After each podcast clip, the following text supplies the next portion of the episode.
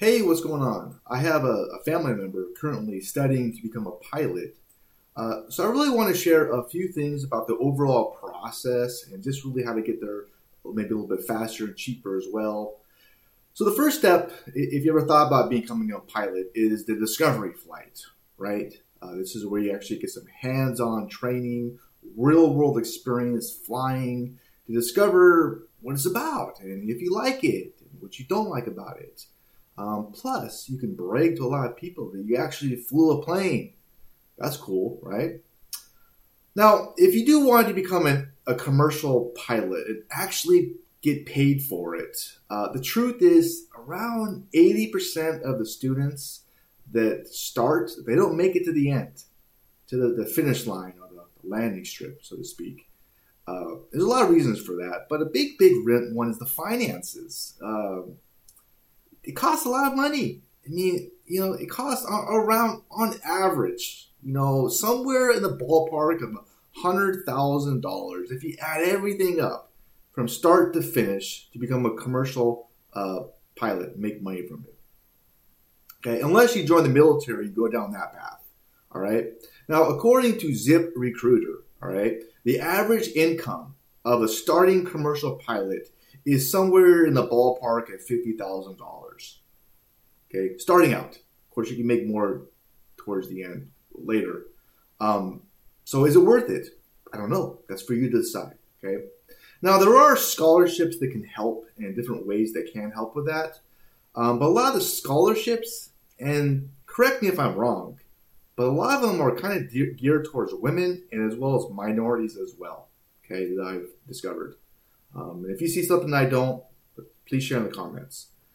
Uh, now, the airline United, what's cool, so cool about them is they actually have a, a school.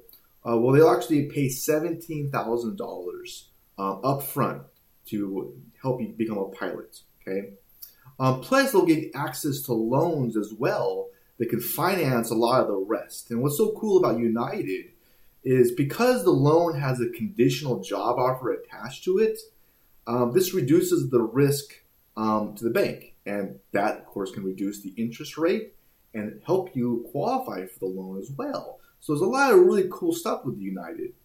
Um, that's a really great ride as well. But the bad news, or the good news, is that uh, United wants at least half of the school to be, uh, well, women or minorities as well. All right, so figuring out the finances beforehand uh, just will increase your chance of making it to the end, so to speak. Okay, something to think about.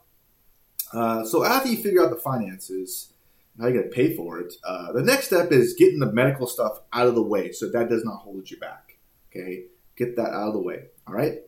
Uh, then you can actually study at home for a lot, a lot of stuff you can do at actually at home.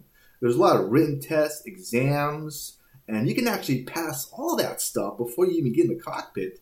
Um, this way, when you do hit the cockpit, you know a lot, okay? And it's going to reinforce all the stuff that you learned um, on the ground, okay? Uh, then, when you're flying, you know, you can give yourself homework and reinforce all the stuff you learn when flying at home, you know, doing homework, okay? Uh, there's even a way to listen to the language of air traffic um, at home. Uh, that way, you're in the cockpit, it's going to be easier for you, okay? There's even a way to do that. So, my family member right now, he's paying around $400 per flight, which is a lot of money.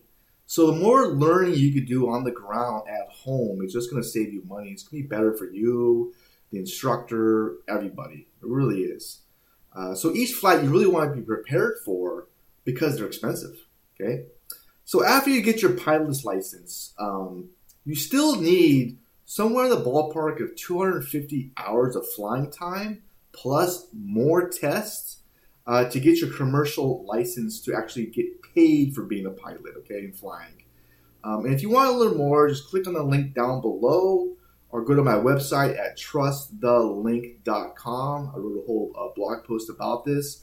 I also share different ways to get those hours, as well as some different uh, ways to study for the written exams and more things you could do at home uh, to prepare yourself as well. So I hope this video or podcast was at least a little bit helpful. If, if you disagree with something or if you have something to add, then hey, please leave a comment below.